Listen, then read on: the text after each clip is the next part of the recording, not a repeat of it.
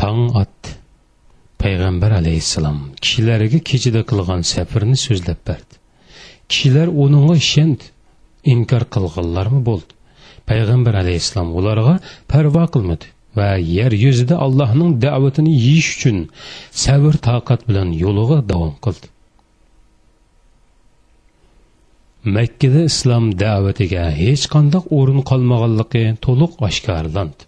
Bu ahvol ixlosman bo'lmagan musulmonlarga nihoyatda har keldi. Payg'ambar alayhissalom davoni texmi bir qadar olg'a ilgirladi. Olloh uning hijrat qilishini bildirdi. Qaror ilindi. Olloh yo'lidagi hijrat safarlari boshlandi.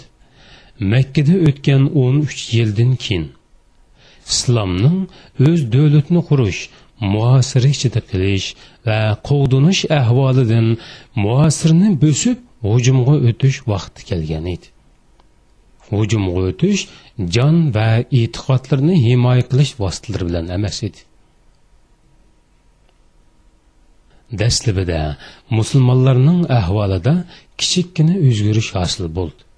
Madinadan bir hay'at haj uchun makka keldi. Payg'ambar alayhissalom ularni islomga da'vat qildi va ular da'vatni qabul qildi. Shuning bilan atrofidagi muasira yemirildi. Madina arablari yahudlar bilan qo'shni bo'lib yashaydi va ulardan tavratda xush bishorati berilgan bir payg'ambar haqida ba'zi gap so'zlarni anglab turadi payg'ambar alayhissalom har doimni odati bo'yicha haj mavsumida arab qabilalarini aylanib yurib da'vat qilishga chiqdi. U aqibada hazrat qabilasidan bir guruhi kishi bilan uchrashib qilib ulardan sizlar kim? deb so'radi. Ular biz hazratdan bo'lamiz deb javob berdi. Payg'ambar alayhissalom yahudlarning xo'jayinlari muslar deb so'radi. Ular ha shundoq deb javob berdi. Payg'ambar alayhissalom o'ltiringlar biz o'zaro suhbatlashaylik dedi. Ular bo'ludi dedi va payg'ambar alayhissalomning yinida o'ltirdi. Payg'ambar alayhissalom ularni ollohga da'vat qildi islomni tushundirdi va ularga qur'on o'qib berdi. Olti kishi undin chiqarmay uningga quloq soldi so'zlarining hammasini tasdiqladi va qabul qildi ondin uningga iymon etdi. Ular payg'ambar alayhissalomga o'zlarining razillik va qonxo'rlik patqig'i patgan qavmlarni tark etganligini aytdi. Balkim olloh bu payg'ambar orqali ularni birlashtirishi mumkin edi. Ular o'z qavmlariga payg'ambar alayhissalomning xabarini bermoqchi va ularga payg'ambarning da'vatini yetkazmoqchi bo'ldi. Bu olti kishi tunji qadamda sinab boqish uchun madina munavvaraga qarab yo'lga chiqdi. Madina johiliyat davrida yasrib deb ataladi keyin madina munavvarga o'zgartirildi olloh u yerni islom bilan nurlantirmoqchi edi. Uchqun makkadan chiqib madina munavvarga yetib bordi. Bu olti kishi madinaga beribla islom da'vatiga kirishdi va bir munchilg'an kishi musulmon bo'ldi. Bir yil keyingi haj mavsumida madina musulmonlaridan o'n ikki kishi makkaga keldi. Ularning orasida bir yil burun payg'ambar alayhissalom bilan suhbatlashib iymon etgan olti kishimi bor edi. Payg'ambar alayhissalom ular bilan aqabada ko'rishdi. Bir ollohga iymon etish haq davoni va insonning insonligini qo'g'dash uchun ulardan bayat oldi. Ular madinaga qaytdi. Islomning tangdoshsiz rostchilik kishisi musab ibn umayr ular bilan billaydi u payg'ambar alayhissalomning madinadagi elchisi sifatida madinadagilarga islomni yeyish qur'on o'qishni o'rgatish va ularni haqqa da'vat qilish uchun mangan edi. Islom madinaga kang yeyildi. Madinaliklar o'z o'zlaridan so'rashga boshladi. Makkadagi musulmon qarindoshlarimiz nima uchun zulm chekidi payg'ambar alayhissalom insonlarga marhamat ilib kelgan turib nima uchun bunchalar aziyat chekidi biz payg'ambar alayhissalomni qachongacha zulm va makka tog'larida qo'g'linib yurishga tashlab qo'yamiz? Biz madinada go'sht qonlarimiz bilan bir yo'l yasamasak boshqa nima ish yaraymiz? Shuning bilan madina xalqidan yetmish kishi makkaga qarab yo'lga chiqdi. Ularning ba'zilari yolg'iz ba'zilari to'plashgan holda aqabaga yetib keldi. Islomning tunji mevisi ularning qalblariga tikildi. Ularning qalblari olloh payg'ambar va musulmonlarning so'ygisi bilan to'ldi. Musulmonlarning dad alimi garchi yiroq yerda bo'lsimi ularni azoblamoqda ularga ta'sir qilmoqda. Ularga uyqu ne'matini taomning ta'mini va hayotning ma'nisini harom qilmoqda edi bu solih kishilar payg'ambar alayhissalomni qo'g'dash uningga yordam qilish uni himoya qilish va uning yo'lida jonlarini qurbon qilish uchun payg'ambar alayhissalomga bayat qilg'ili keldi. Islom ularning qalbini egallab olgandan keyin uni qaytirib olishga emas balki borlig'i bilan beg'ishlashga to'liq taslim qilishga va bu yangi davo uchun mol va jonlarni pido qilishga tayyorlangan oshiqlar holatida keldi. Oshiqning asli ma'nisimi boshqalardan ilovotaman deb o'ylab turib boshqalarga berishdan iboratdir aqaba bayetida bo'lib o'tganlar hadis kitoblarida mundoq naql qilinadi. Abbos ibn abdulmutallib payg'ambar alayhissalom bilan birga keldi. U chog'da abbos texi burunqi dini dedi. U bu yerga jiyani ya'ni payg'ambar alayhissalomning masalasining beshida turish va uningga yordamda bo'lish maqsadida kelgan edi. U yerda o'ltirgandan keyin so'z boshlab mundoq dedi. Muhammad o'z qavmi ichidagi eng sharafli kishi. Shunga u bu yerda qo'g'dilyotidi ammo bu yerdan chiqib sizlarning yininglarda turishni o'ylashyotidi agar bergan so'zinglarda turib uni qo'g'diya olsanglar uni o'zanglar bilan bilib ketinglar. Agar uni yordamsiz tashlab qo'yib dushmanlarga taslim qildigan ishinglar bo'lsa uni yanala o'z yurtiga tashlab ketinglar. Abbos ibn abdul mutallibning bu so'zlari qabilavozlik va oilaviy munosabatidan kelib chiqqan so'zlar edi. Shundoqdan madinliklar uning so'zlariga ancha erangishib ketmadi. Chunki u texi musulmon bo'lmagan edi. U payg'ambar alayhissalomga ko'yinishda texi ularning darajasiga yetolmaydi abbos ibn abdul mutallib madinliklarning javobini kutib turdi. Ular sening aytganlaringni angladiq ey muhammad alayhissalom sen bir nima degin? Bizdin o'zing uchun va parvardigoring uchun xolig'iningni talab qilgin dedi.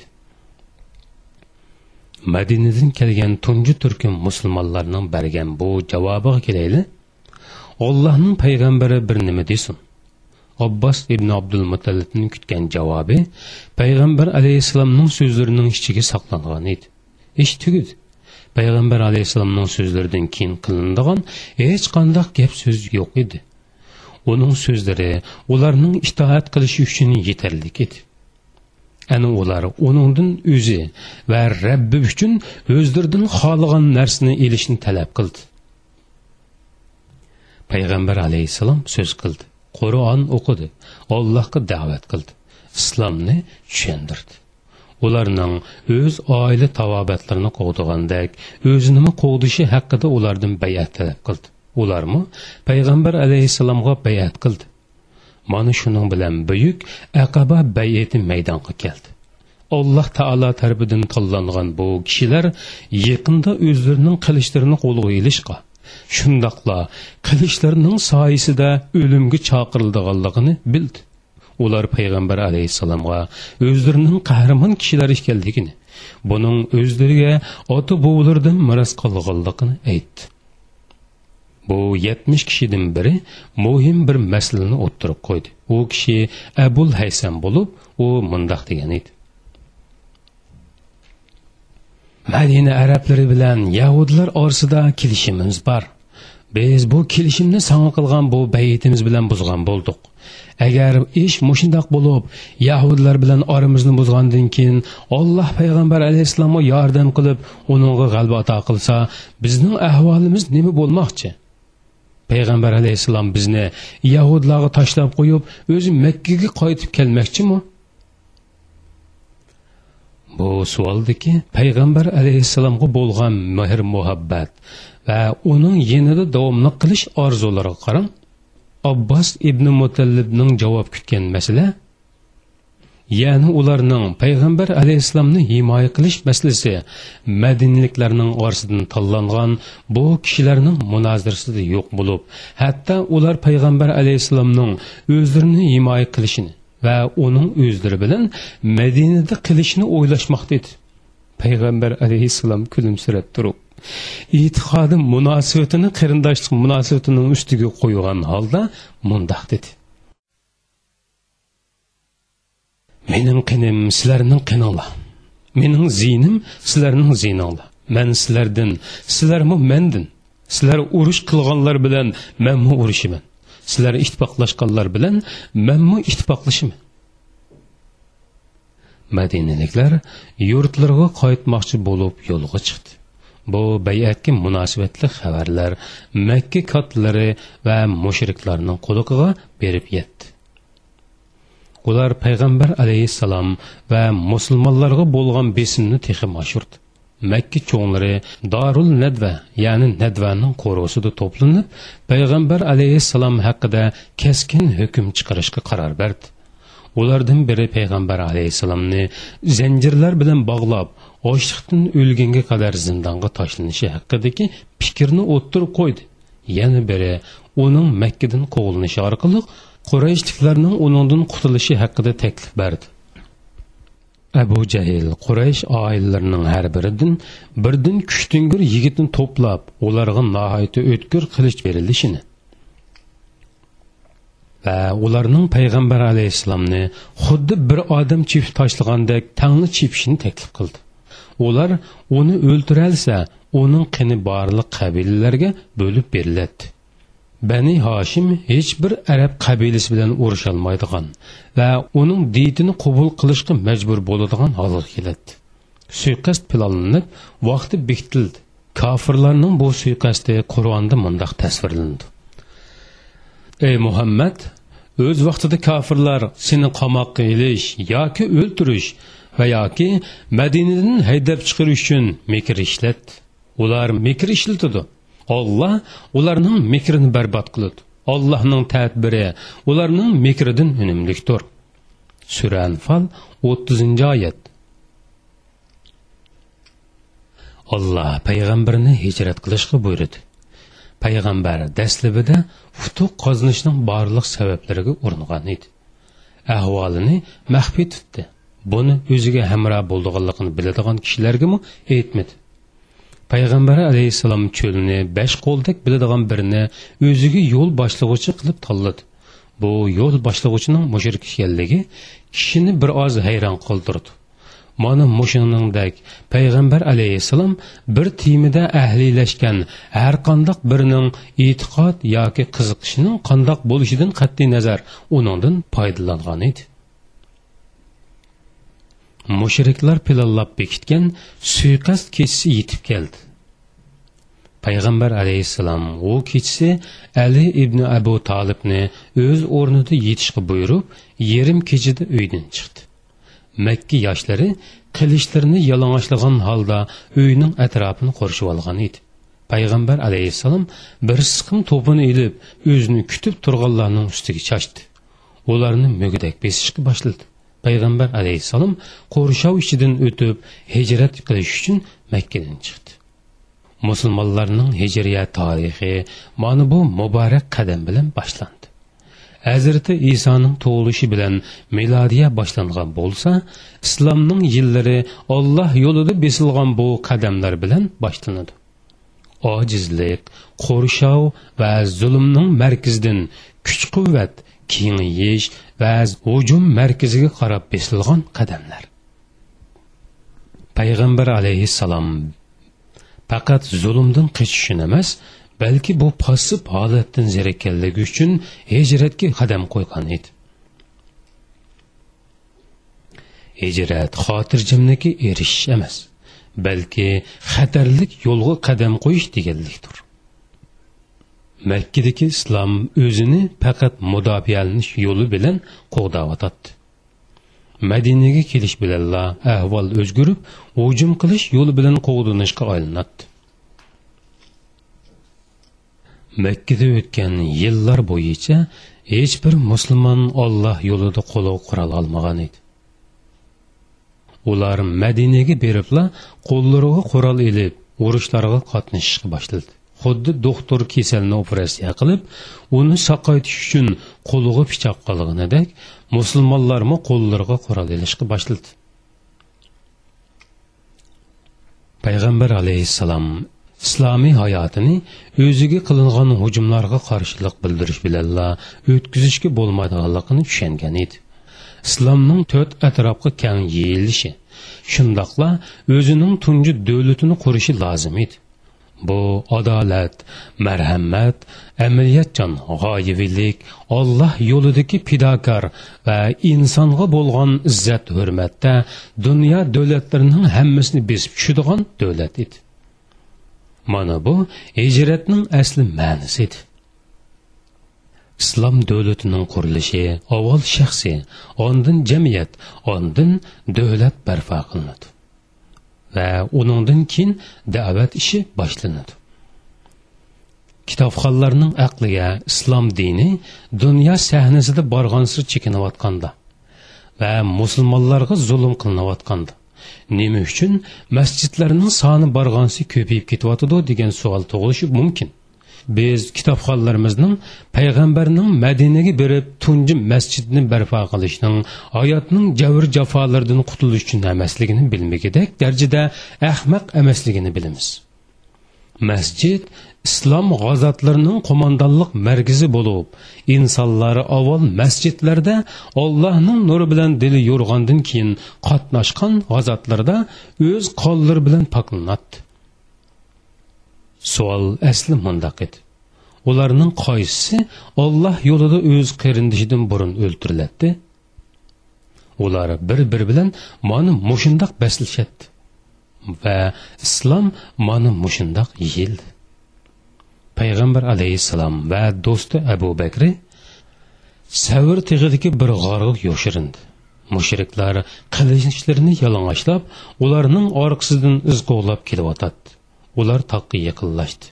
Hazrati abu bakri amrohi muhammad alayhissalomga ulardan birisi puti tarafga qarab qolsalar bizni ko'rib qoladi dedi. Payg'ambar alayhissalom nihoyatda past ovozda abu bakri uchinchisi olloh bo'lgan ikki kishi haqida mushundoq o'yladingmi? dedi. Payg'ambar alayhissalomning so'zi tugamay turibla o'muchuk g'orning og'ziga to'r to'qib bo'ldi. Tarjimahol kitoblarda mundoq deyiladi. Mushriklar iz qo'g'lab g'orning oldiga kelganda iz bekmi chigilishib ketadi.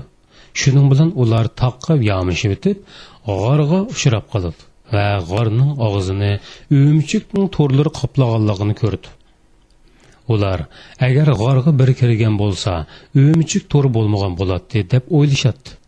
Payg'ambar alayhissalom u yerda uch kun turdi. Shuncha nozik o'mchuk turi mushriklarning poqirab turgan qilichlaridan g'olib kelib payg'ambar alayhissalom va uning hamrohini qutuldirib qolgan edi. Ondin bu ikki muhojir madinaga qarab yo'lga chiqdi. Madinaliklarmi ularni qarshi olg'ili oldiga chiqqan edi. Payg'ambar alayhissalom va hazrati abu bakri madinaga yetib kelganda xalq payg'ambar alayhissalomning kamtarligi va hamroyiga islomiy qarindoshligi bo'yicha muomala qilganligiga qarab ularning qaysining payg'ambar qaysining hamroyi ekanligini ayrilolmagan edi. Nihoyat payg'ambar alayhissalom madinani nurlantirdi. U masjidni bino qildi. O'z davlatini qurdi. Islom davlatini qurdi. Dushmanlar bilan urushdi. Islomni kang yoydi. Makkani fath qildi. Baytul haramni butlardan tozildi. Aql va qalblarga o'chmas nur yoqdi. Madinada o'n yilni tinim topmay o'tkazdi. Uningdan burunmi makkada o'n uch yilni oshundoq o'tkazgan edi. U tog'larmi bardoshliq berilmaydigan ig'ir yuklarga bardoshliq bergan edi.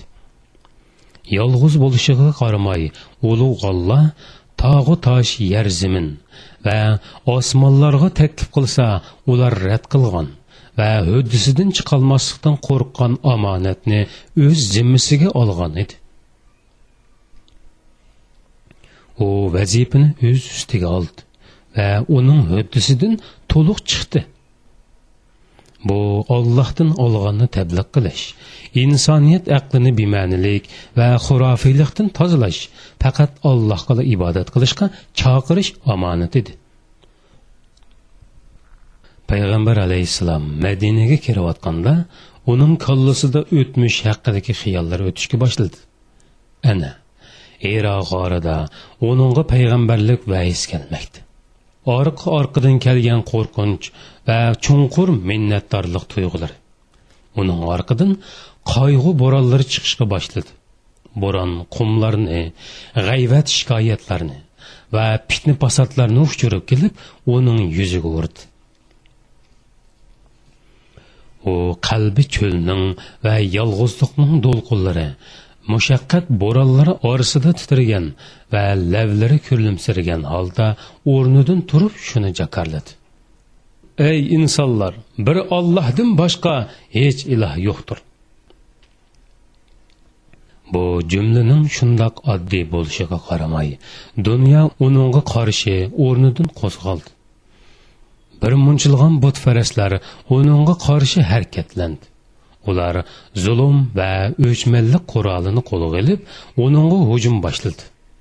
Rahbarlar qo'mondonlar pul oltin amal mansablar shaytonning ko'ni o'chmanliklari payg'ambar alayhissalom bir ollohdan boshqa iloh yo'qdir deyishi bilanla uning dushmanlariga aylandi.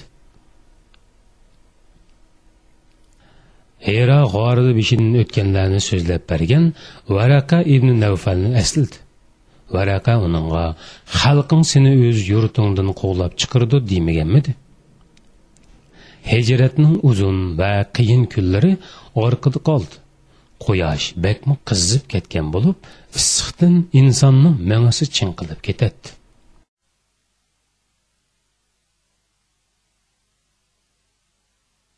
Ana u hijratni oyoqlashtirib madinaga Әнсарилар оның нағайты қызған күті олды. О, Әнсариларының еніға өз елі құз келді. Әнсарилар мұ, оныңғы ярдам қолын ұсынды. О, қорқыныштың түтірген дә, оны қатыр жемлікі еріштірген. Ач қалғанда тойғызған, қоғыланғанда бағырығы басқан еді. Madinada islom hokimiyati qurilishga boshladi. Avval bu hokimiyatning insonlar tashkil qilingandan keyin hokimiyatning o'zi barpo qilinishga boshladi. Avval xalq ondan hokimiyat. Qog'oz ustidagi quruq prinsiplar ustiga qurilgan nizomning hech qanday qimmat e'tibori yo'q. Prinsiplarning amalga oshirilishi har qanday bir nizomning qimmat e'tiborini belgilaydigan eng oxirgi o'lchamdir. Tunji kunlarda islomning yo'lga qo'yilishidan insoniyat adolat qarindoshlik va marhamatda hech o'xshashi ko'rilmagan bir nizom maydonga keldi. Keyingilarning qo'lida quruq murosim va zinnat buyumlarga aylanib qilishi islomning gunohi emas balki keyingilarning gunohidir. Payg'ambar alayhissalom tunji bo'lib tugishi cho'kkan yeriga masjid soldi. Masjid bakma oddiy silingan edi. Silinchilari qum shig'illardan o'gisi xo'rma shoxlardan to'riklari xo'rma yog'ochlaridan qilingan bo'lib yer yomg'irda patqoq bo'lib ketsa o'gza shamolda qurib ketadi. Payg'ambar alayhissalom ozg'unlarni yo'lga silib mushtumzo'rlarni mag'lub qilgan. Haqiqatni asli martabasiga ega qilgan. Va islomni yer yuziga yoygan u kishilarni mana bu oddiy joyda yetishtirgan edi. Masjid garchi kichik va yo'qsul bo'lsimi shir yurak odamlarga liq to'lgan bo'lib hargizmi to'g'ri yurak insonlarning to'lib toshgan cho'ng va hashamatlik masjidlarga o'xshamaydi. Masjidda qur'on o'qiladi. Qur'on tanshig'anlar uni o'zlarining kundalik turmushida tadbiqlashi kerak bo'lgan amr farmon deb qaraydi qur'on masjidda munojat va ko'ngil huzuri uchun o'qilmaydi u yerda o'tirganlarmi qur'on o'quvchining mahoratiga qoyil bo'lganligi uchun tantana qilishmaydi islomda masjid faqat namoz o'qish yeri emas. Musulmonlarga nisbatan yer yuzining har qandoq yerida ibodat qilg'ili bo'ladi masjid ilm o'rlik va qarindoshlikqa ishonganidek ollohga va oxiratga ishonadigan madaniyatning simvolidir payg'ambarlarning hammasi qarindoshlikni tilga ilib o'tgan va kishilarni eng go'zal so'zlar bilan qarindoshlikqa chaqirgan edi payg'ambar alayhissalom bo'lsa qur'on kishilarning iddisiga to'liq singanlikdan qarindoshlikni haqiqiy turda ularning amaliyatiga aylantirgan edi. Muhojirlar ansorlarning mehmonlari edi. Ansorlar inson ularga ko'rsatadigan eng isilliqlarni ko'rsatdi. Ularning iddisidagi qon qarindoshligi chiqarib tashlanib din qarindoshligi mahkam o'rnatildi. Payg'ambar alayhissalom muhojirlar bilan ansoriylarning orasida qarindoshlik munosabatini o'rnatdi. Madinni boyonlaridan biri bo'lgan ansoriy said ibn rabiaga muhojirlardan abdurahmon ibn avh bilan qarindosh bo'lish nasib bo'ldi. Said abdurahmonga mundoq dedi. Man ansoriylarning eng boy kishilaridan biri. Melimning yerimi sening bo'lsin. Mening ikki ayolim bor. O'zing qarab yoqtirg'inni tanlab olgin. Man uni qo'yib beray san uylangin abdurahmon ibn av mundoq javob berdi. Alloh sening oilang va mol mulkingni barkatli qilsin. Sen manga bozorni ko'rsatib qo'yding. Abdurahmon ish izlab bozorga berib qo'rsqi to'yg'idek pul bilan qaytib keldi. U sodning iltifotini qabul qilmadi. Chunki u allohga o'z iymoni biliki va ajriga tayangan holda ishinatdi oz bir muddatdan keyinla u o'ylanaligidek pul topgan va oyolig'i besh darham oltin mehri haqqi beraladigan biriga aylandi. Kunlar o'tdi. Musulmon xalq ajr mehnat so'ygi muhabbat hurlik shura ya'ni maslahat va jihod qatorliqlarning ustiga ul silvatadi islomdagi ish emgak zamonimiz madinada tilga ilingan bir burdi non yoki bir parcha go'sht uchun kech kunduz tirish bo'lmasdan balki moddiy ehtiyojdan holqib o'tib ma'naviy jihatda yuksak pallaga chiqishni ko'rsatdi. Ularga aytqinki xohlagan amallaringlarni qilinglar. Qilgan amallaringlarni olloh ollohning payg'ambari va mo'minlar ko'rib turdi. Sura tavba bir yuz beshinchi oyatning bir qismi. Amallarimizning Allohga yetib turishini o'ylash kishiga non va go'shtning ta'midan olqigan bir xil huzur ato qiladi. Amaldan keyin kelgan so'yguchu islomdagi so'ygi qalbga o'rinlashgan amal tasdiqlamaydigan his tuyg'u emas. Balki insonlarni o'z atrofidagi hayoti shaklini eng yaxshi va eng ustunlikka erishtirishga undaydigan kundalik faoliyat bosqichidir.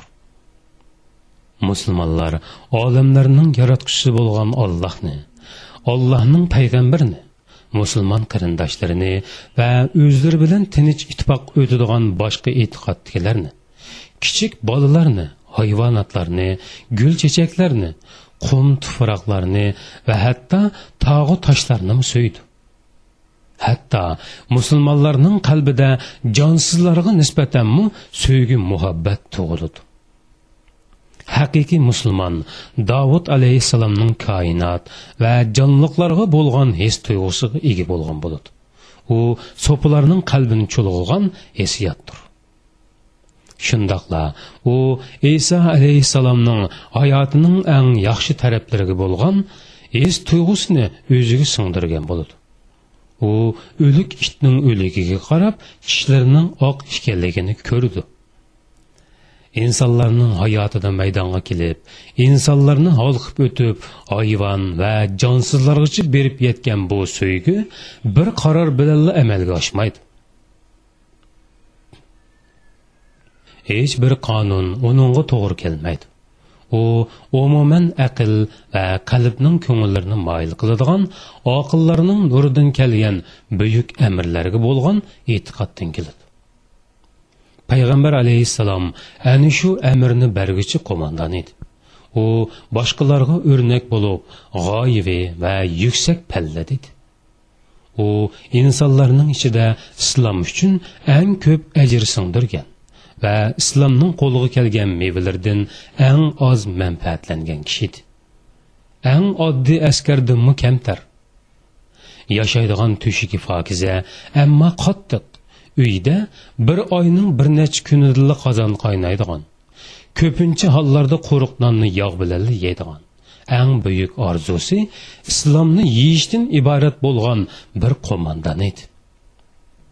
Musulmonlar olloh va uning payg'ambarini o'zidan oilasidan mol bisotidan foyda manfaatidan izzat obro'yidan va boshqa har qandoq har narsaning so'ygisidan texmi ustun aziz va a'lo deb bilgandilar. Ondan islomning mukammalligiga erishgili bo'lganligiga ishondi. Shundoq. Musulmonlar qo'mondonlarining hayotini o'z hayotlaridami afzal deb biladi. Islom davlati amal va so'ygudan boshqa o'rlik shura va jihod asoslari ustiga qurildi. Islomdagi ho'rlik islomning qurilmasiga qo'shilgan zinnat bo'lib u jonliq hujayralarning to'qilmasidir Allah musulmonlarni boshqaga ibodat qilishdan qutuldirganligi uchun barliq munosabatlar aql qalb va jamiyatning ustiga dum ko'ntirildi. Islomda musulmonlar har narsani aqli bilan tadqiq qilish aqli bilan fikr yurgizish vijdoni qabul qilgan narsaga ishonish e'tiqod qilish ho'rligiga ega.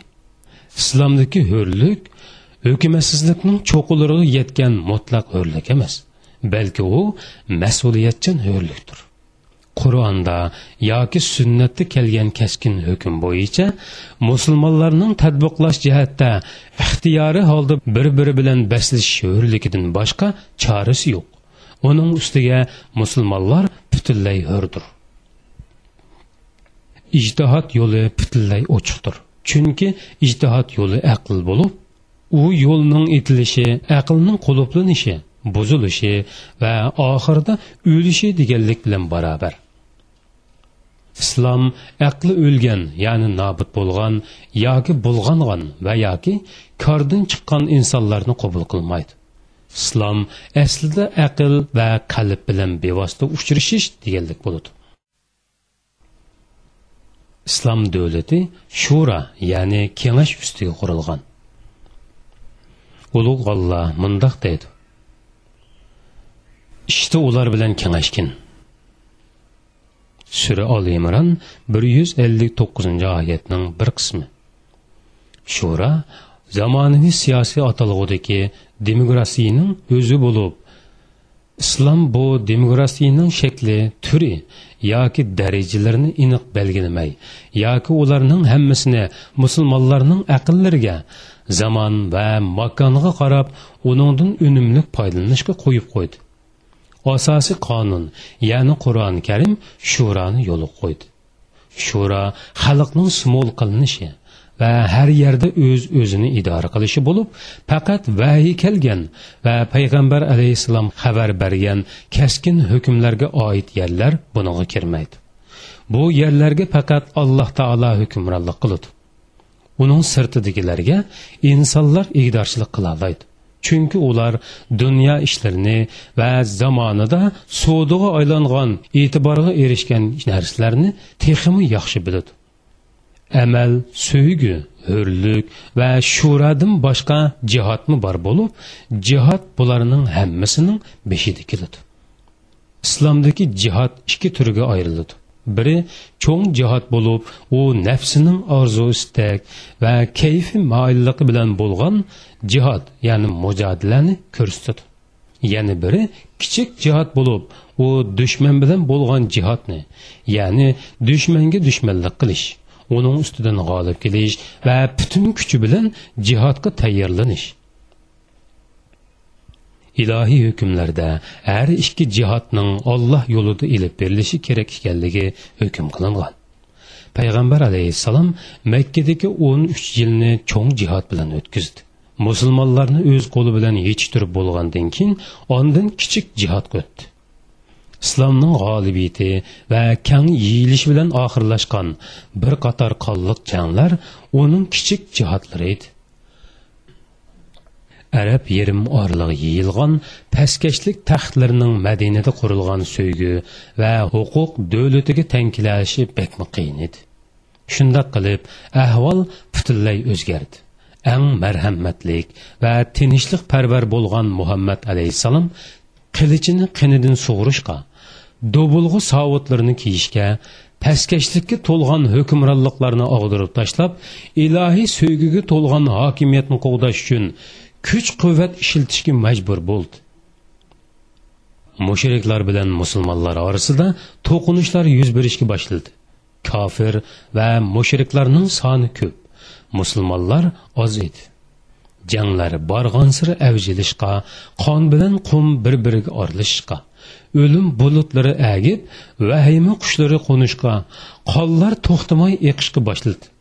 Shundoq janglarning birida payg'ambar alayhissalomning tishlari sunib muborak beshi yerildi u insonning allohga iymon etishi haqqini qo'g'dash uchun qini iqiyotgan bo'lsimi urushdan qat'iy voz kechmadi. Kofirlarning ko'p musulmonlarning oz bo'lishiga qaramay ko'p sondagi mushriklar yengildi. Alloh taoloning ollohning elchilarining ikki tarafdan allohga eng yaqin bo'lgan zafar qozinish yo'llariga texmiching esilg'anlarning g'olib kelishi kerak bo'lgan ilohiy va azaliy qoidaga asosan soni ko'p bo'lgan mushriklar yengildi hazrati muhammad va xalifalari zamonida ilib birilgan islomiy jihodlar haqni qo'g'dab zulmni yo'qitish dushmanni yengish mushtum zo'rliqlarni parchalab tashlash uchun elib berilgan bo'lsa uningdan keyingi jihatlar qul mazlumlarni zulmning bo'yin turuqlaridan qutuldirish uchun elib berilgan edi. Hukmdorlarning bir yerni fatih qilish uchun islomdan foydalanishi islomga hech qanday ziyon zahmat elib kelmaydi balki islomning uningdan foydalanishi o'rniga uning islomdan foydalanganligi uningdan foydalanuvchiga ziyon elib keladi chunki islom insonlarni vazifalantirganda faqat fatih uchunla emas fatih o'z ichiga olgan ho'rlik uchunmi vazifalantirdi. Ishg'ol qilish uchun emas hidoyat qilish uchun. Insonlarning bo'yin turuqlarini chingitish uchun emas balki barliq bo'yin turuqlarini pochoqlab tashlash uchun. Bu payg'ambar alayhissalomning vafotidan keyin ilib berilgan islom janglarining bir turi edi.